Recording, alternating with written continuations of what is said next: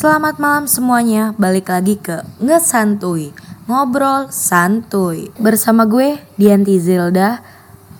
Ngesantuy kali ini, gue bakalan nemenin kalian selama waktu yang tidak ditentukan. Pastinya, obrolan ini sangat bermanfaat serta mengedukasi kita sebagai pendengar. Podcast malam ini bertemakan Perempuan dan Kemajuan Bangsa.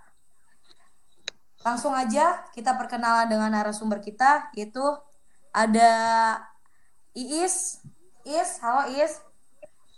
Hai. Perkenalan Is dari asal kampus dan bebas dah mau apa aja, status juga boleh. Uh, mantap banget. Oke. Okay. Oh, this is the first time that you invite me and I'm so proud to be part and that you have to invite me. Terima kasih banget ya. Ini dadakan juga tahu Master emang ini prank, agenda prank ini sebenarnya. Okay, uh, I would like to introduce myself to you all. Uh, nama aku Siti Asyamini. Everyone's call me Iis. Aku dari Universitas Islam Sultan Agung Semarang. Uh, sejauh itu apa ya? Aku mahasiswa semester 4. Mungkin itu yang bisa kalian tahu dari aku. Nah, terus oke, okay, terima kasih Iis sudah nyempetin ngobrol bareng santuy ini. Terus ada Aninda.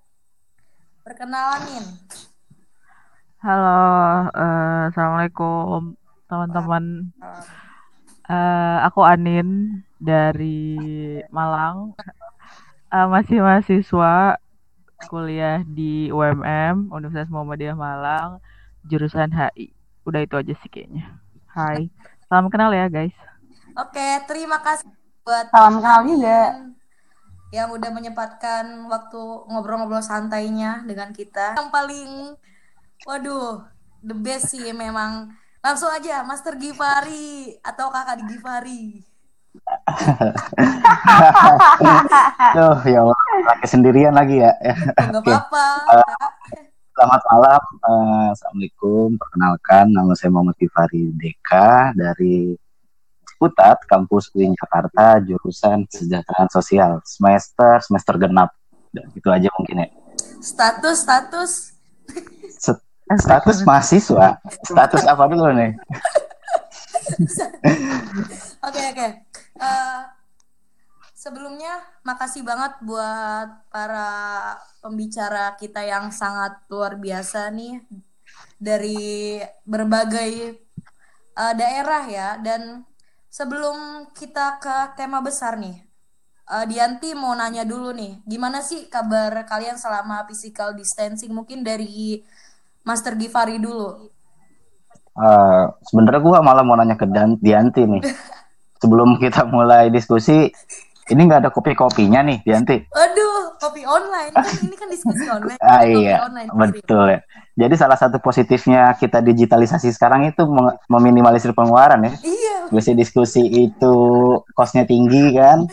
Sekarang murah modal kota. Oke. Okay. Iya, uh, kabar baik ya cuman ya apa ya masih dalam suasana PSBB PSBB yang nggak jelas itulah.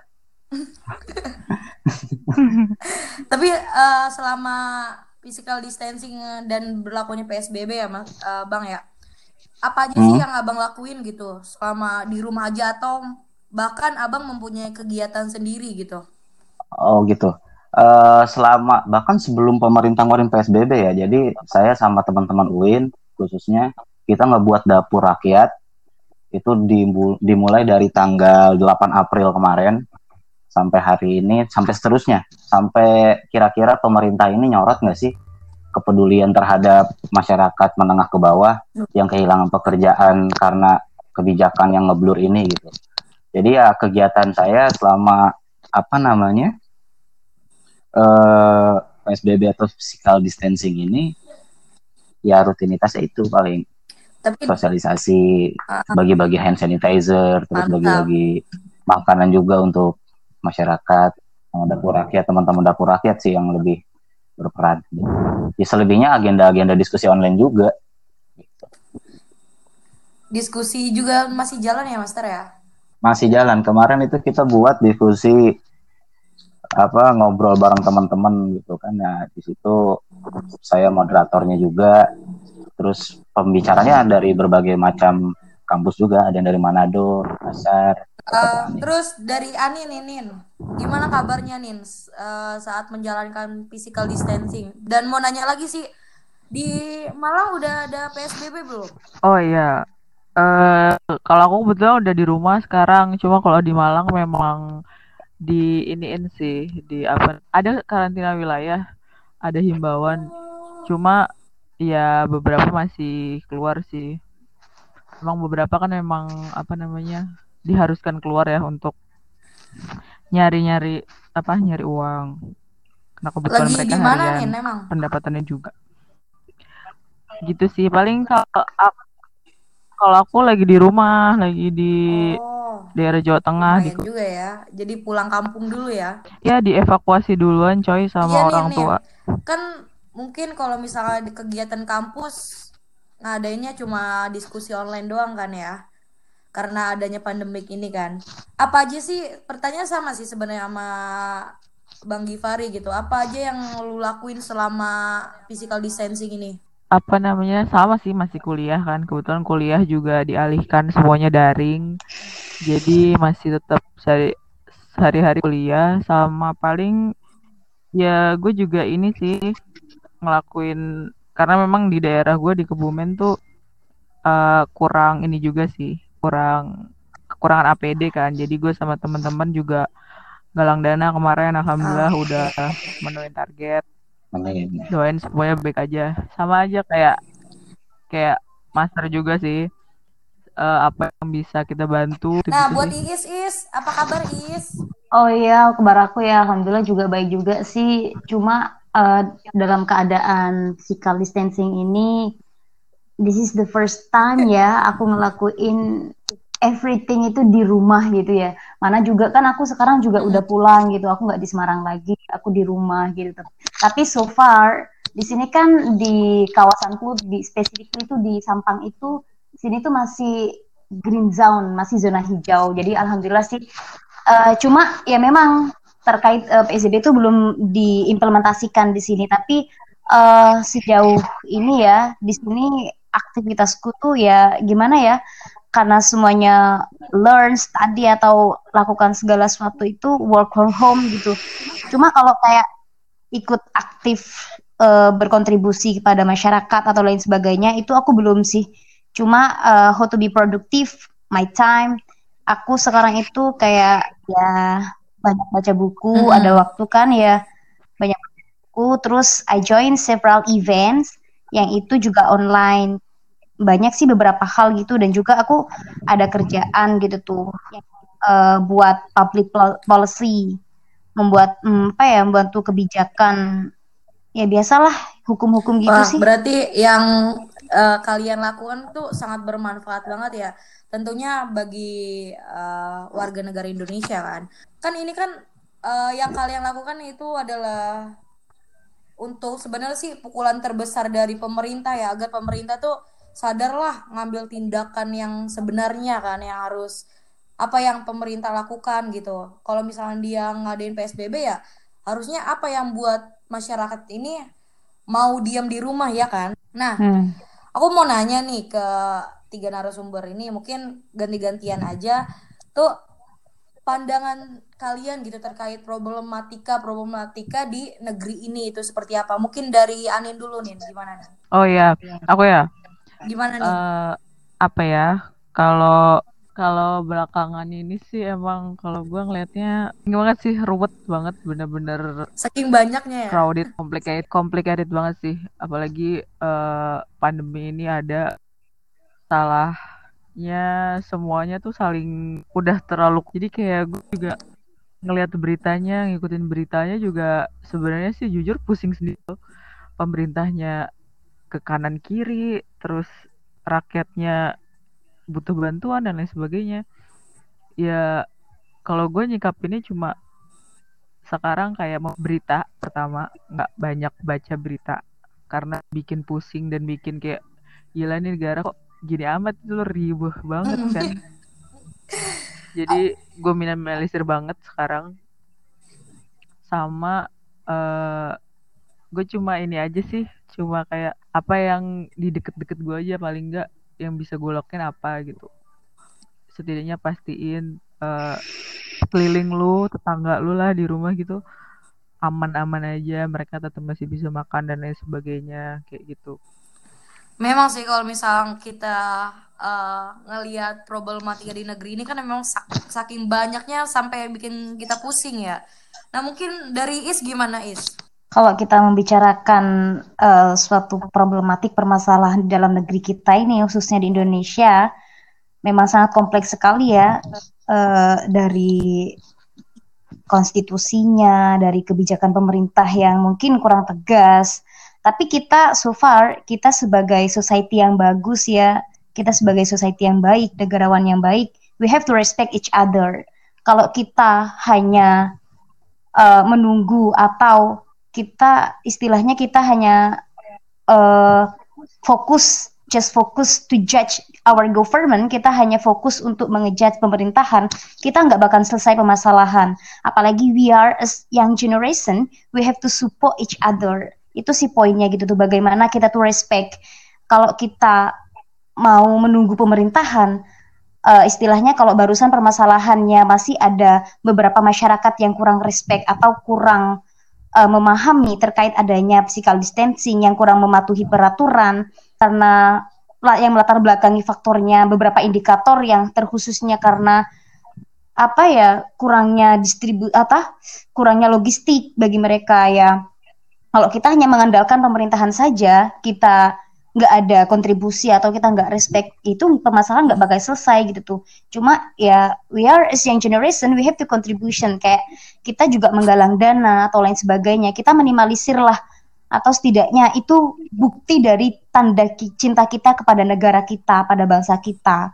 Ya, kalau kita mau lihat kebijakan pemerintah, memang dari kemarin dari awal adanya uh, COVID ini memang terkait dengan informasi yang simpang siur, dengan kebijakan yang kurang tegas, yaitu memang uh, adalah sedikit negatif-negatifnya. Cuma yang perlu saya tekankan di sini, yang perlu kita awareness gitu tuh, uh, we are a young generation how we have to support each other we share love we share apa yang kita punya kita bagikan kepada sekitar kita jadi uh, itu aja sih lebih mungkin. ke hal positifnya ya yang kalau misalnya kita mampu hmm. ya kita kasih gitu kan iya bener banget itu kalau kita nunggu pemerintah nggak ada selesai-selesainya. Ya apalagi ini negara yang sudah aduh permasalahan itu sudah kompleks banget. Tapi itu bentuk konkret kita sebagai negarawan yang baik. We have to support each other. Ya, betul. share what you have. Nah, itu karena kalau misal kita tidak saling membantu sesama ya kalau misal ngendaliin juga kan ini kan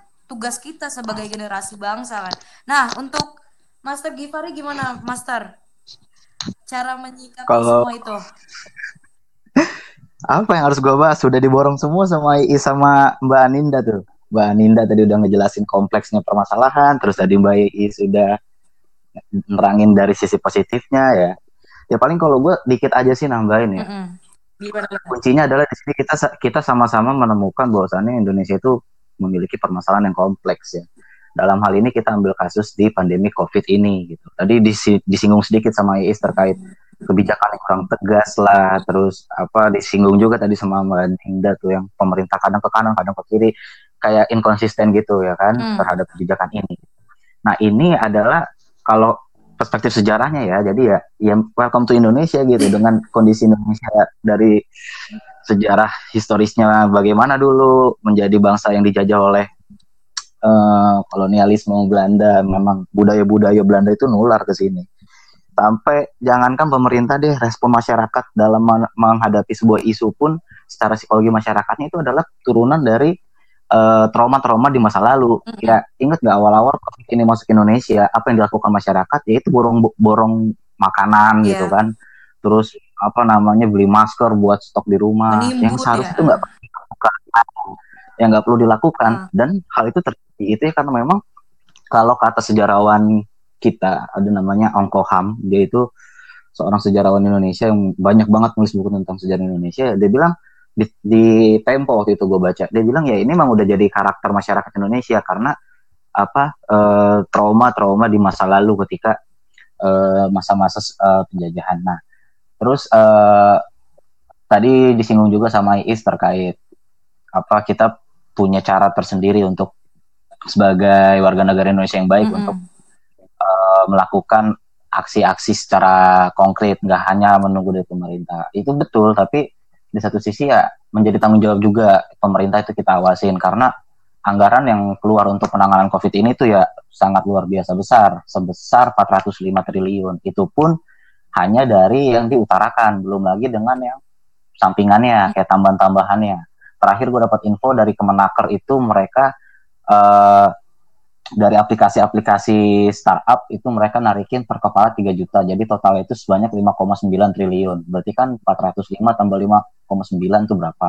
Belum lagi ini kan pilkada serentak itu digeser ke Desember. Nah, itu kemarin disinggung juga bahwasannya biaya anggaran untuk pilkada itu dialihkan dulu untuk ke penanganan COVID. Ya itu yang nggak terhitung gitu. Belum lagi dari bantuan bantuan negara lain kan gitu mm -hmm. ya sementara di tingkatan masyarakat hmm. itu kita memiliki gerakan uh, filantropi jatuhnya kayak influencer-influencer kemarin ya yeah. kan konser online kumpulin berapa miliar kayak Rahel V-nya aja bisa sampai 5 sampai 9 kalau nggak salah terus jadi kempot itu hmm. belum lagi dengan kita yang mahasiswa atau para sampai di kempot aja tahu ya ya jelas gue gue di di kempot sejati gue gila dia oh my god so proud of you Aduh, sobat ambiar ini. Uh, terus uh, lanjut ya. Jadi kayak belum lagi mahasiswa-mahasiswa yang kayak kita ngelakuin penggalangan dana gitu. Makanya uh, terkadang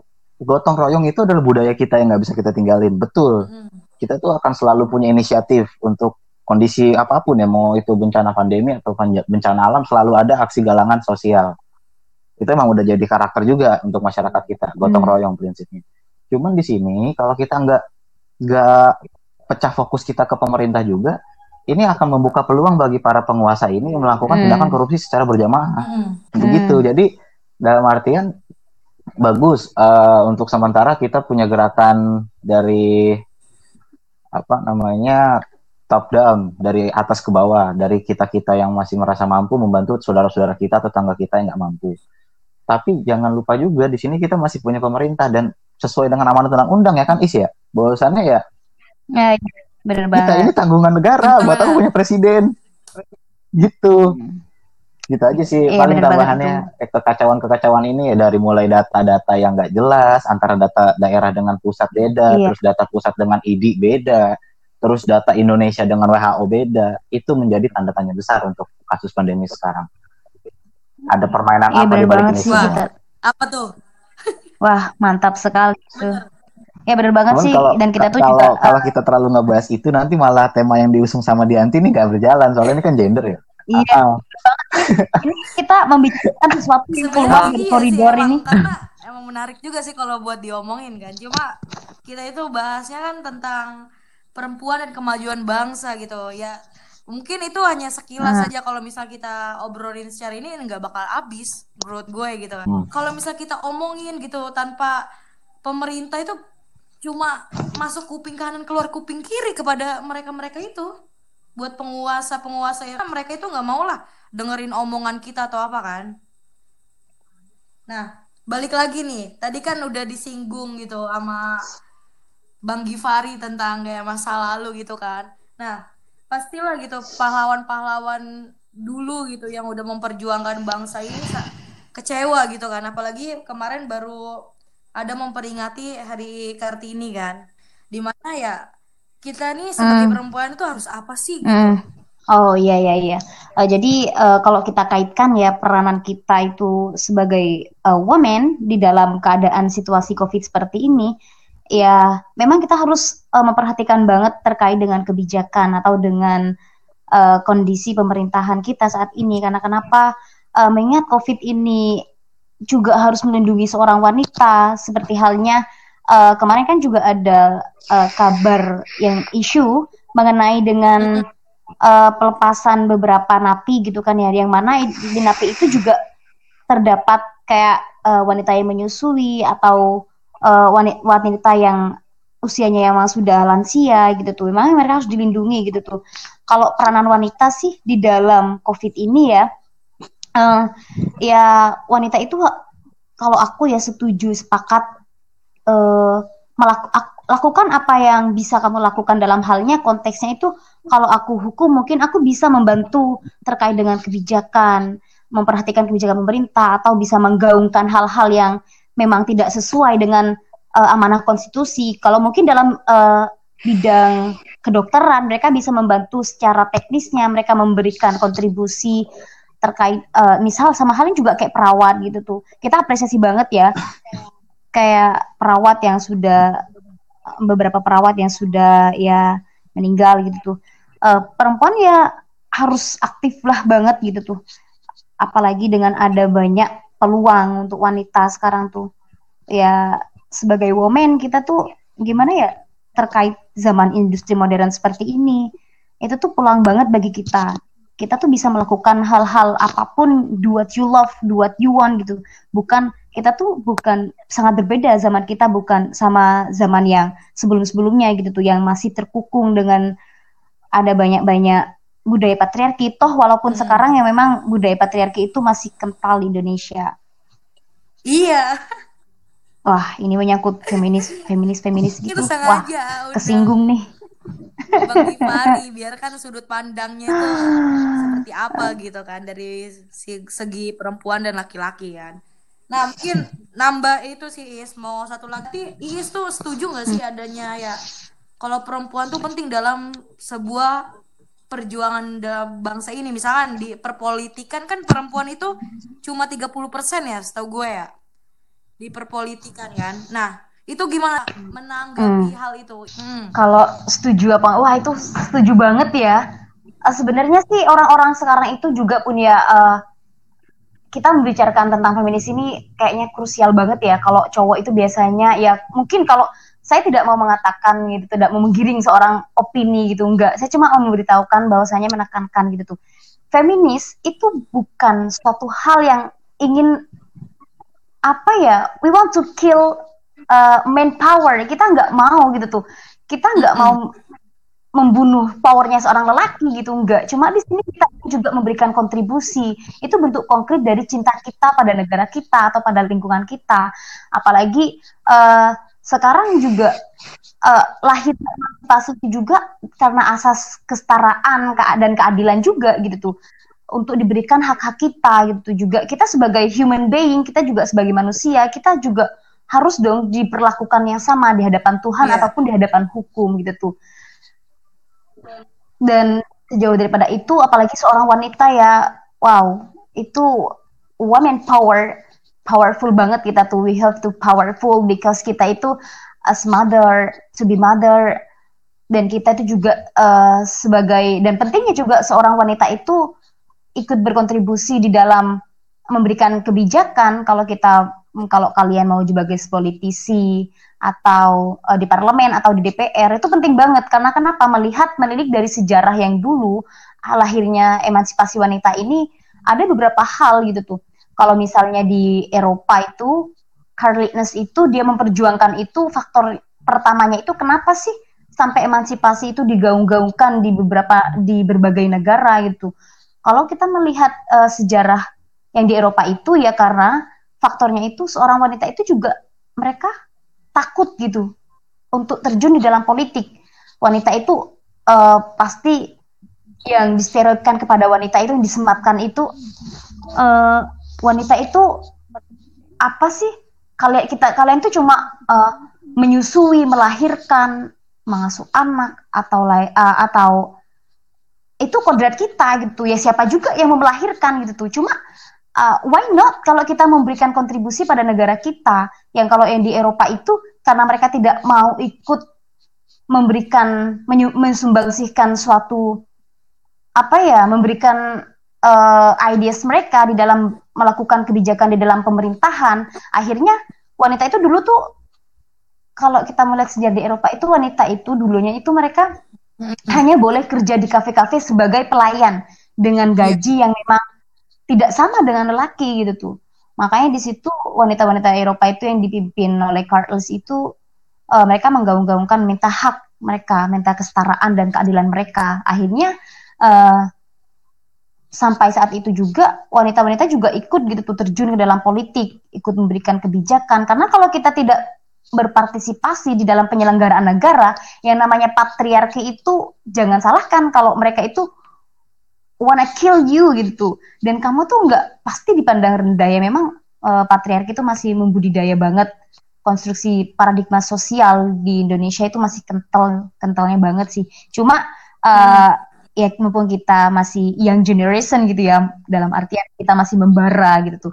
We should uh, we should do something crazy gitu tuh. Kita buktikan bahwasanya uh, perbedaan laki dan wanita itu ya sama gitu. Kita nggak ada perbedaan gitu tuh. Kita setara gitu.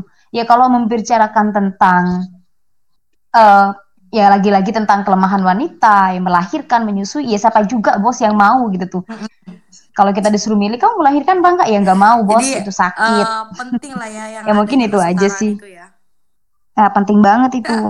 Kalau nggak ada kesetaraan wih. Bener-bener nah buat Ani nanti nih, kamu ya gitulah.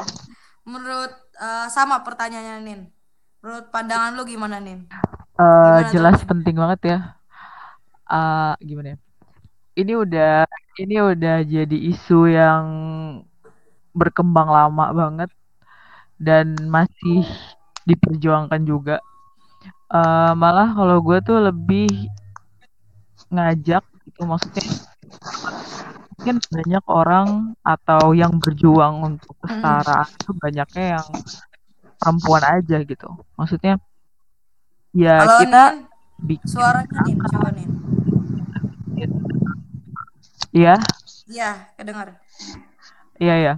Dengar kan suara gue? Ya, uh, jadi uh, kalau sekarang ini kan keseringan tuh yang yang ber mm. bersatu itu kan yang cewek-cewek aja, yang perempuan-perempuan aja. Nuntut untuk setara dan lain sebagainya dan lain sebagainya. Memang kesetaraan itu penting, apalagi kalau misalkan itu menyangkut pautkan dengan uh, kemajuan atau perkembangan negeri gitu kan. Cuma yang perlu di apa ya, di dipikirkan ulang itu sebenarnya kita tuh harus ngajak juga yang cowok-cowok gitu loh. Kita nggak bisa cuma ngandelin kesadaran dari perempuannya aja tanpa kita juga ngajak si laki-lakinya untuk sadar. Jadi itu apa namanya bentuk penyadaran itu bentuk ngajak orang-orang untuk bahas apalagi isu perempuan. Suaranya uh, orang-orang tuh paling kan sekarang tuh banyak gerakan gerakan perempuan itu kan didominasi sama perempuan doang kan. Mm. Di mana-mana di, entah di Iran, entah di uh, Amerika gerakan apa namanya? Woman March-nya dia udah di mana-mana kan. Itu tuh kebanyakan gerakannya di iniin sama perempuan doang gitu loh.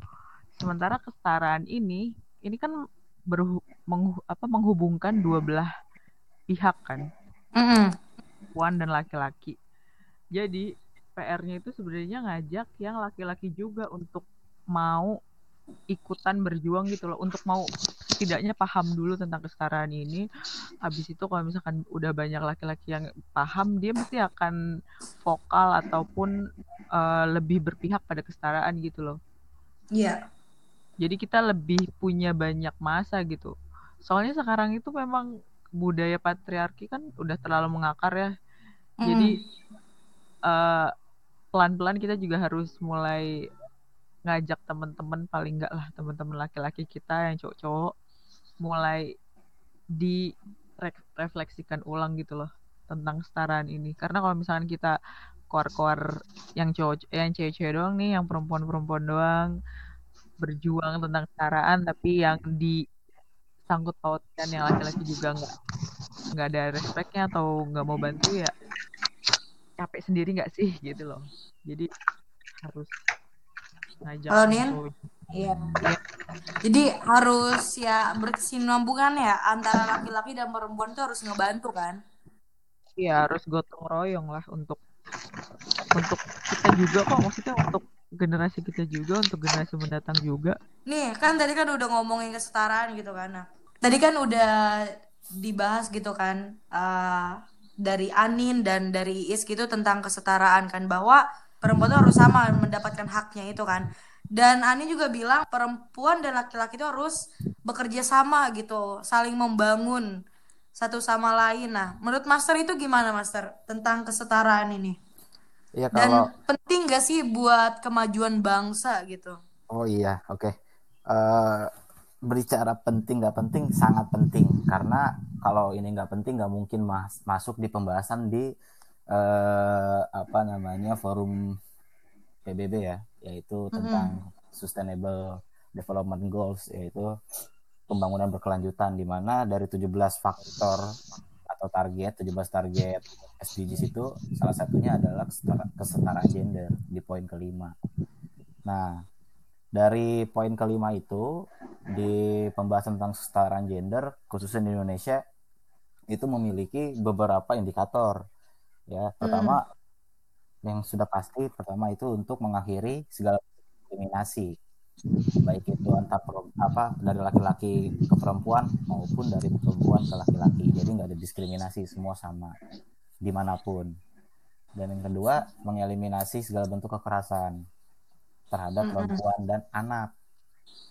Baik itu di wilayah private ataupun publik dan di sini juga membahas tentang human trafficking.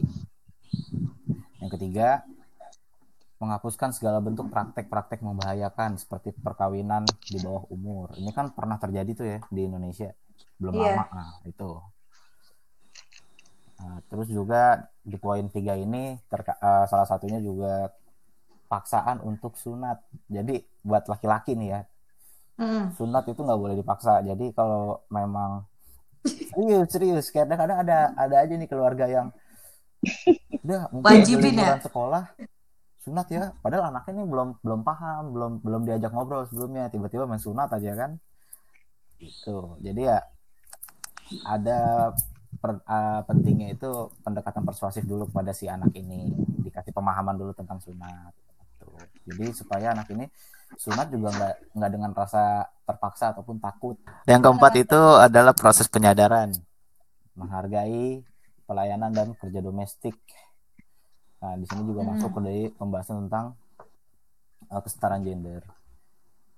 Dan masih banyak lagi sih salah satunya tadi eh, bidang politik ya. Eh, kalau tadi kan sebelum gua terputus tuh de- eh, denger dikit tuh dari Is terkait 30% ya gitu.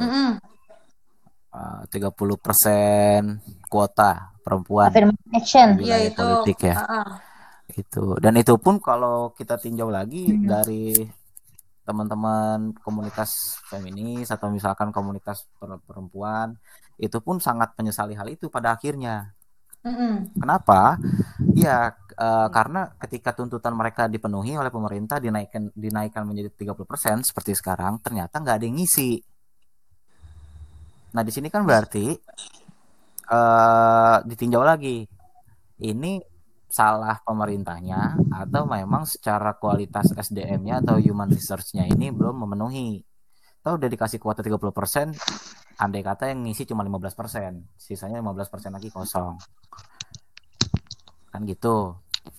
Kita ambil contoh terdekat deh dalam eh, momen-momen terdekat ini misalkan dalam pemi- eh, pemilihan kepala daerah pasti dibentuk dong kayak tingkatan Iya. PPK, PPS, terus apalagi ya kan banyak tuh.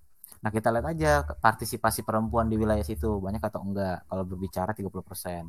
Kalau di wilayah gua di Tangerang Selatan ya memang lebih banyak laki-laki yang daftar. Ada beberapa perempuan tapi kalau di persentasekan nggak nyampe 15%. Begitu. Itu pun nanti kan tahapannya akan ada seleksi-seleksi ya. Kayak misalkan dari pertama pendaftaran, berkas, terus nanti tes tulis, terus tes wawancara sampai akhirnya dinyatakan lolos menjadi bagian tertentu kayak bagian PPK atau PPS. Nah, itu pun mereka harus bersaing kan dalam hal ini baik itu laki-laki atau perempuan. Di sini kita nggak kenal gender. Jadi secara Mm. kualitas gitu kan, kualitas dan pengalaman kayak gitu. Hmm. Dan pada akhirnya ketika rekapitulasinya keluar, anggota yang dinyatakan lolos kita hitung lagi tuh kemarin. Kok dikit ya perempuan ya? Bahkan ada satu kecamatan yang memang laki-laki semua nggak ada perempuan yang anggota dari PPK-nya kayak gitu. Nah, berarti kan di sini eh, permasalahannya eh, ketemu gitu. Ah. Maksudnya ayo eh, teman-teman nih eh, minta untuk kuota perempuan di wilayah politik ini menjadi 30%. Ayo kita barengin dengan kualitas. Ayo kita tunjukin kita di sini bersaing secara isi gitu, secara kemampuan. Hmm. Betul, Mm-mm. kayak gitu. Karena kalau realita yang gue hadapin di Kualitas. kampus misalkan ada aja gitu ya teriak-teriak masalah. Emang kenapa sih perempuan gak boleh mimpin? Boleh, emang siapa yang ngelarang? Boleh. Hmm, Lu mau jadi iya. presma juga silakan. Cuman ya, ayo bersaing secara kualitas. Jangan jangan ngebangun Hmm. narasi bahwasannya lu pengen nyalon dihalang-halangin gitu. Nggak Hmm. ada, nggak ada yang kayak gitu.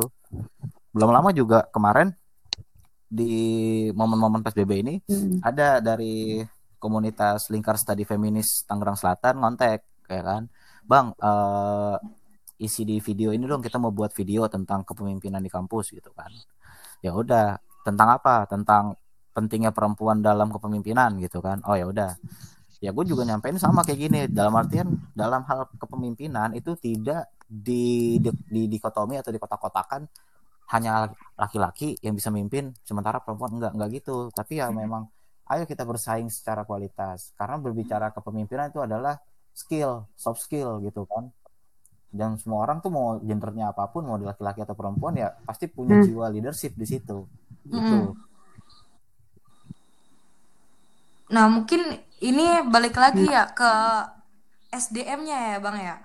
SDM-nya yang tidak memadai sehingga eh, dari kuota tersebut tuh ya cuma 30% gitu. Nah, itu baru bicara di wilayah politik nah kita sekarang Hmm. bicara ke wilayah publik ya kan Iya. dulu tuh teman-teman eh, perempuan meneriakan tentang eh, Hmm. keselamatan perempuan di wilayah publik dengan minta gerbong khusus kereta perempuan, terus eh, jalur antrian khusus untuk busway dan tempat khusus untuk perempuan di busway, ya enggak? Mm. Nah, faktanya, realitanya, ini gue nanya ke beberapa orang, mau itu teman-teman kampus gue ataupun ada beberapa teman gue yang kerja memang rutin menggunakan transformasi eh, transportasi publik. Gue tanya, lu kalau naik kereta lebih nyaman di mana? Gerbong perempuan atau gerbong umum? Sumpah gue lebih nyaman gerbong umum. Semua jawabannya begitu. Iya.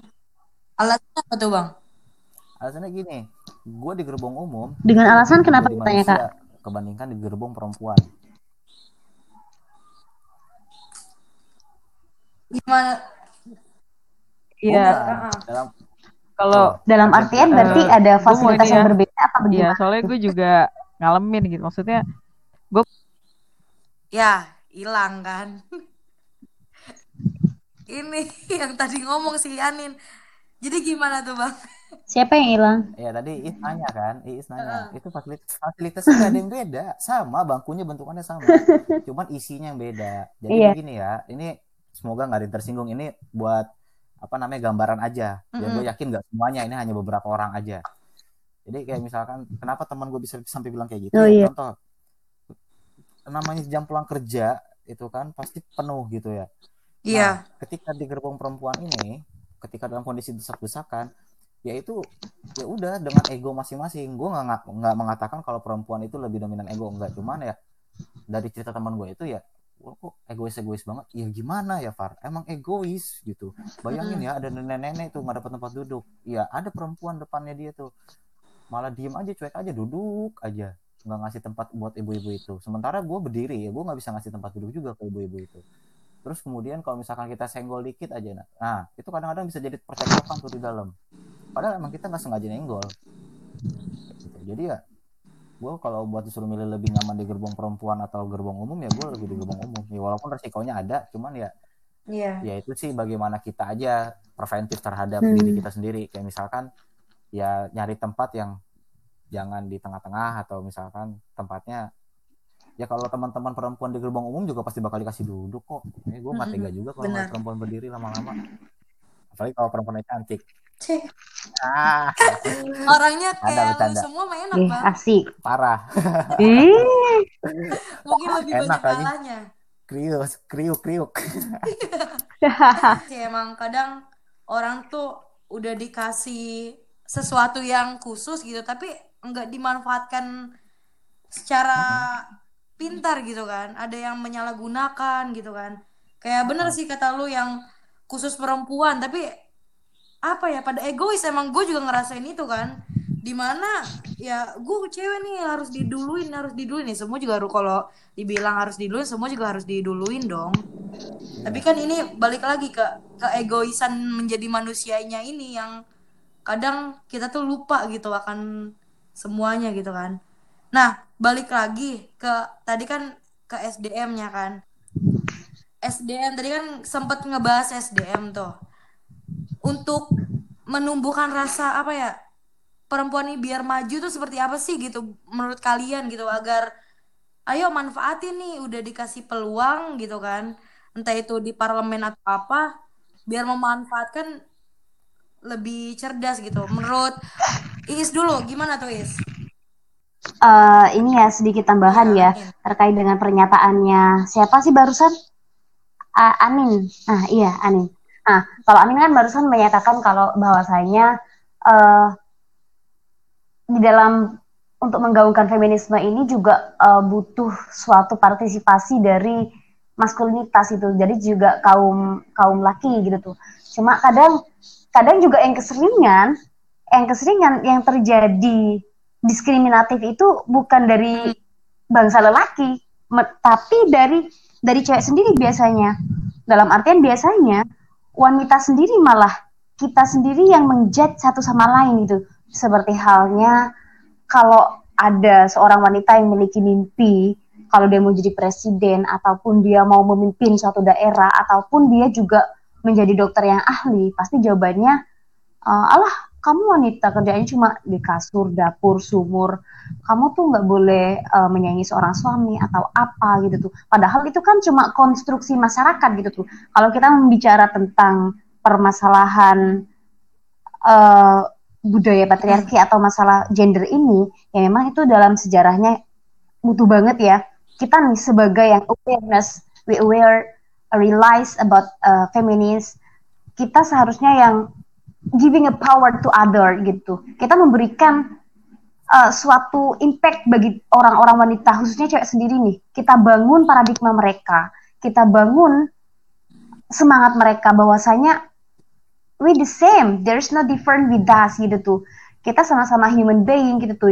Ya lakukan apa yang bisa kamu lakukan gitu tuh. Kalau masalah kayak barusan yang affirmative action yang tidak terpenuhi atau lain sebagainya, memang masih banyak gitu. Karena kenapa gitu? Itu belum terpenuhi ya juga dari human resource-nya.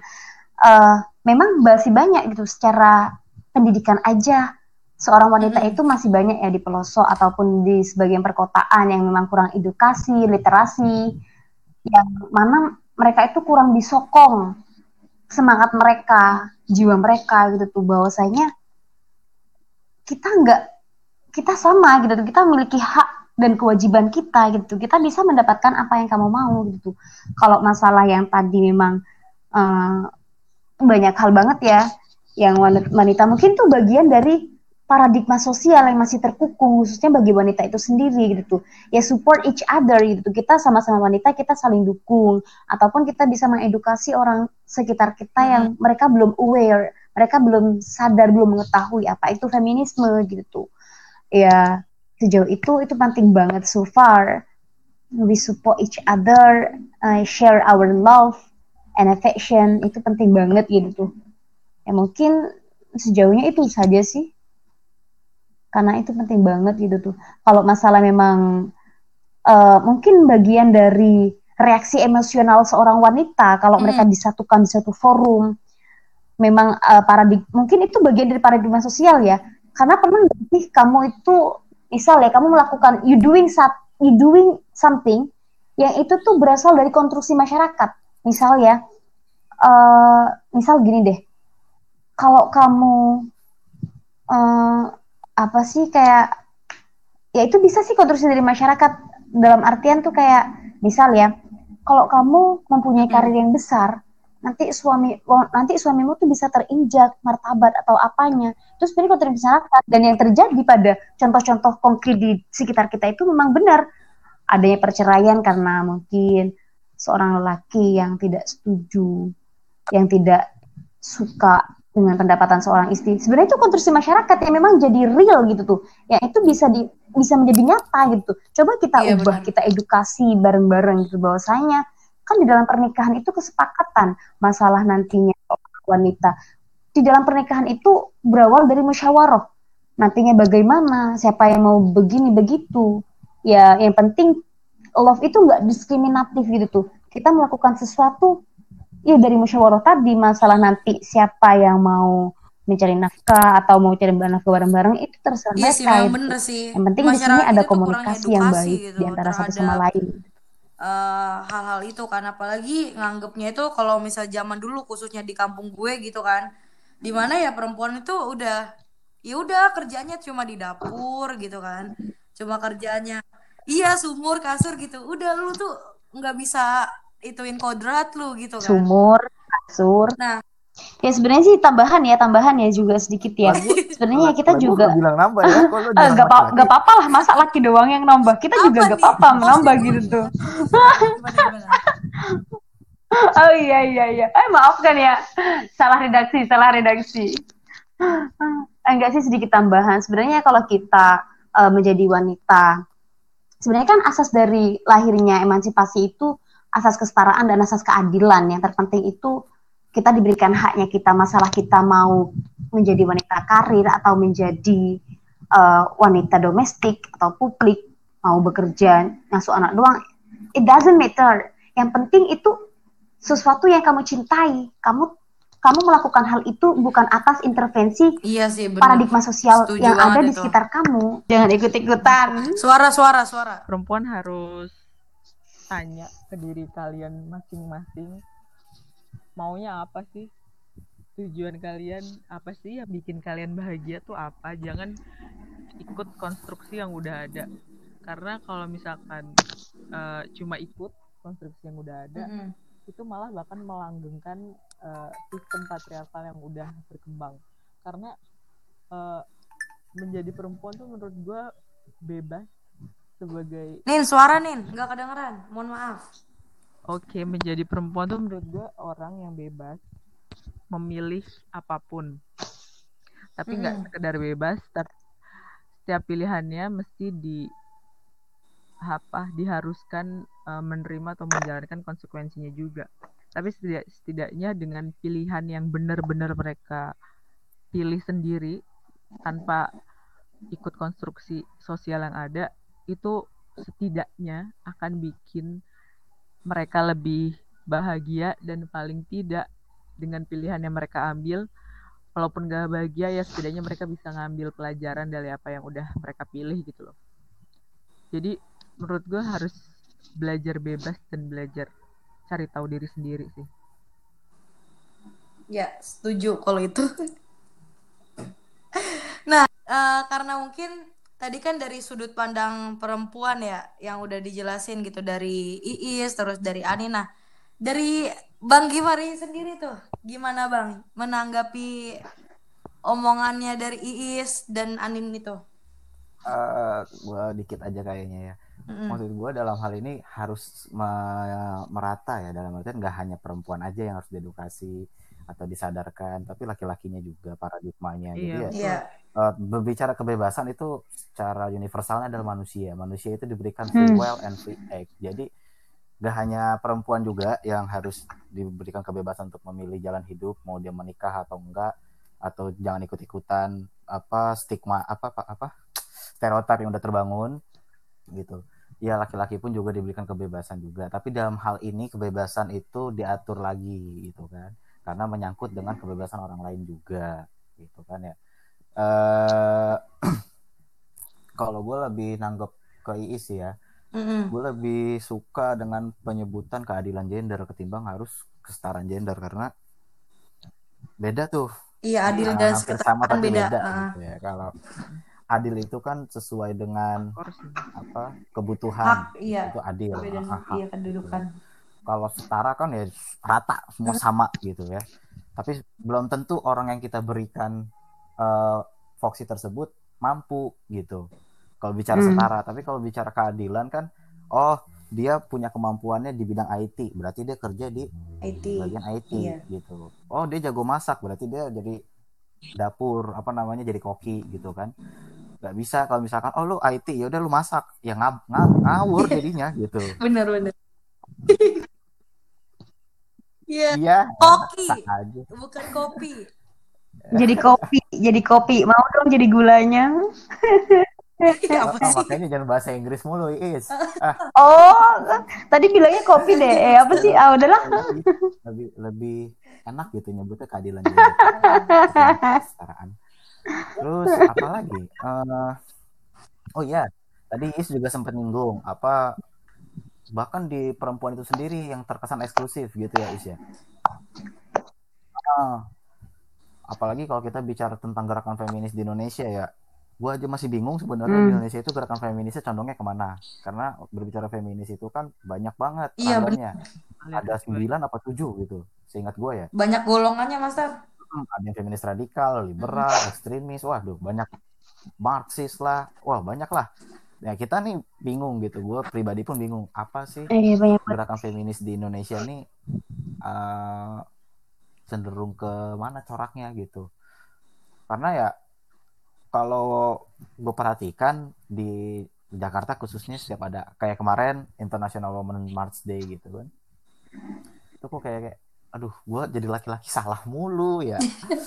iya kayak misalkan bukan gue yang eh, bukan salah gue berpakaian begini otak lu aja yang bokep waduh maksudnya maksudnya gimana nih gitu ya maksud gue aduh Aduh. di ibarat kata gue maju salah mundur salah dong gitu kan. Mm-mm.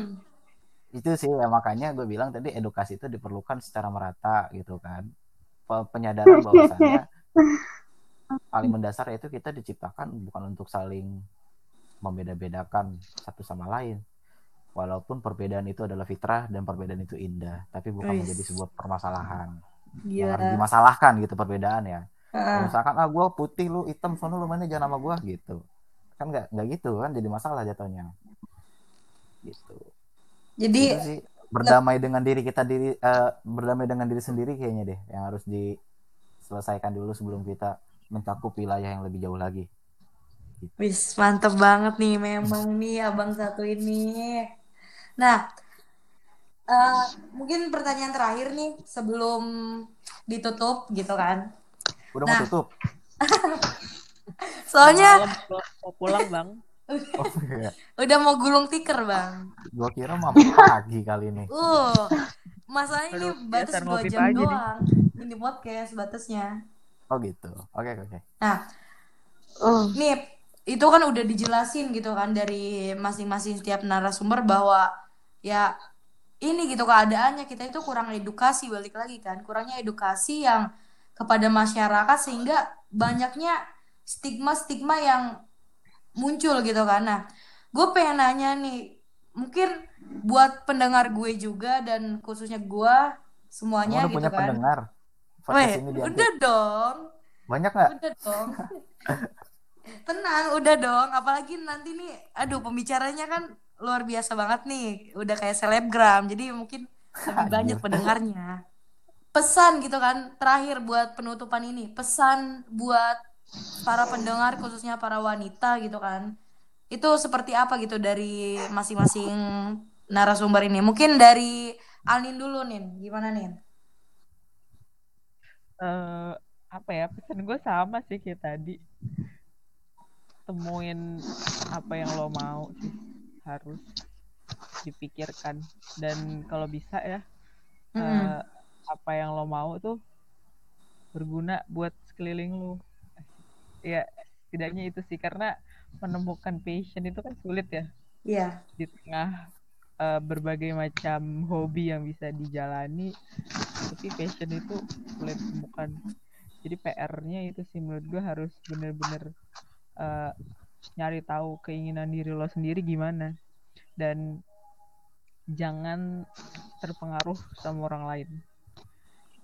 Ciptakan hidupmu mau kayak gimana tuh kamu yang nyiptain gitu Mantap jangan deh. sama orang lain Jangan jadi followers ya. Iya, lo harus jadi ini dong, kreator dong. Asik. Mantap. Nah, buat Is gimana Is?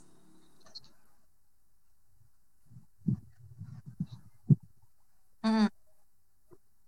Sebenarnya sih aku pengen tahu ya, be- kalau dalam Eropa-Eropa sana tuh ya, kalau ada cowok yang awareness about feminism, itu dikatakan cowok baru gitu kan ya. Sebenarnya aku pengen tahu mengetahui terlebih dahulu apa sih isi dari Oh, seorang lelaki. Is Master bisa dong kesimpulannya. pesan Oke, untuk seorang wanita Master. itu apa sih?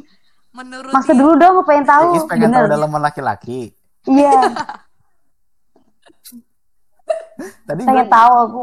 Iya, tadi dia bilang gitu kan, pengen tahu dong dalaman Oh my god. Gini, Ya, mungkin? Master Saya pengen tahu gitu tuh. lebih ke isi dari laki-laki tersebut. Maksudnya Ya, kayak itu Oh, pemikiran enggak. pemikirannya. Tidak, maksudnya pemikirannya Ya Master mungkin. ambigu bahasanya nih si nih, pengen tahu dong isi laki-laki. Biasa dia nggak ngerti bahasa Indonesia, Master. Oke, oke. iya sa- No salah problem. redaksi, salah redaksi berarti ini. Perbaikan redaksi. Aduh, Iis. Ya, jadi kalau closing statement ini jatuhnya. Pengen tahu dong, Master. Hmm, jadi kalau gue sederhana aja sih, kalau memang kita bisa bergerak bersama, kenapa harus sendiri-sendiri gitu? Iya nggak sih? Mantap. Maksudnya di Islam pun juga ditegaskan kan, bahwasannya Tuhan itu melihat keistimewaan seseorang itu Ah, bukan dari gender, tapi dari ketakwaan kan gitu ya. Mm-mm. Jadi ya udahlah, selesai gitu maksud gue. Hal-hal yang sekiranya itu eh apa ya, yang dilakukan kesalahan dari beberapa oknum, selesai di oknum-oknum itu aja, nggak usah di general. Kan kalau di Indonesia ini gue ngeliatnya gini, eh kasus pelecehan seksual di publik gitu kan, itu kan yang ngelakuin oknum. Dan Hmm, pelecehan seksual benar. ini nggak hanya dilakukan oleh laki-laki ke perempuan, Laki-laki, tapi iya. ada juga perempuan yang ke laki-laki gitu kan.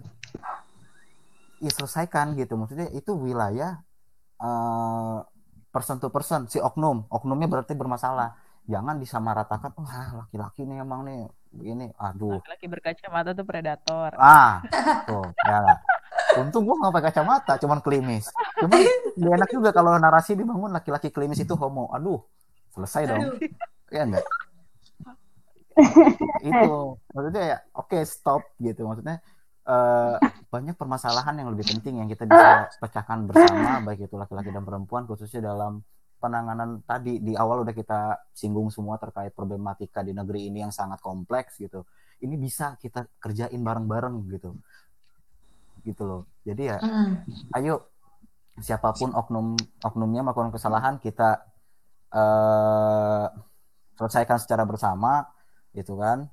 Banyak kan pelecehan di kampus yang dilakukan oleh para tenaga pengajar terhadap mahasiswanya atau mahasiswinya gitu kan wah banyak banget deh kalau masalah itu ya cuman ayo kita bareng-bareng selesaikan gitu intinya sih itu berjalan bersama seiring berirama Widih, mantap. Emang nih. Gimana Is? Menanggapinya Is? Tuh udah dikasih tahu tuh dalam semuanya.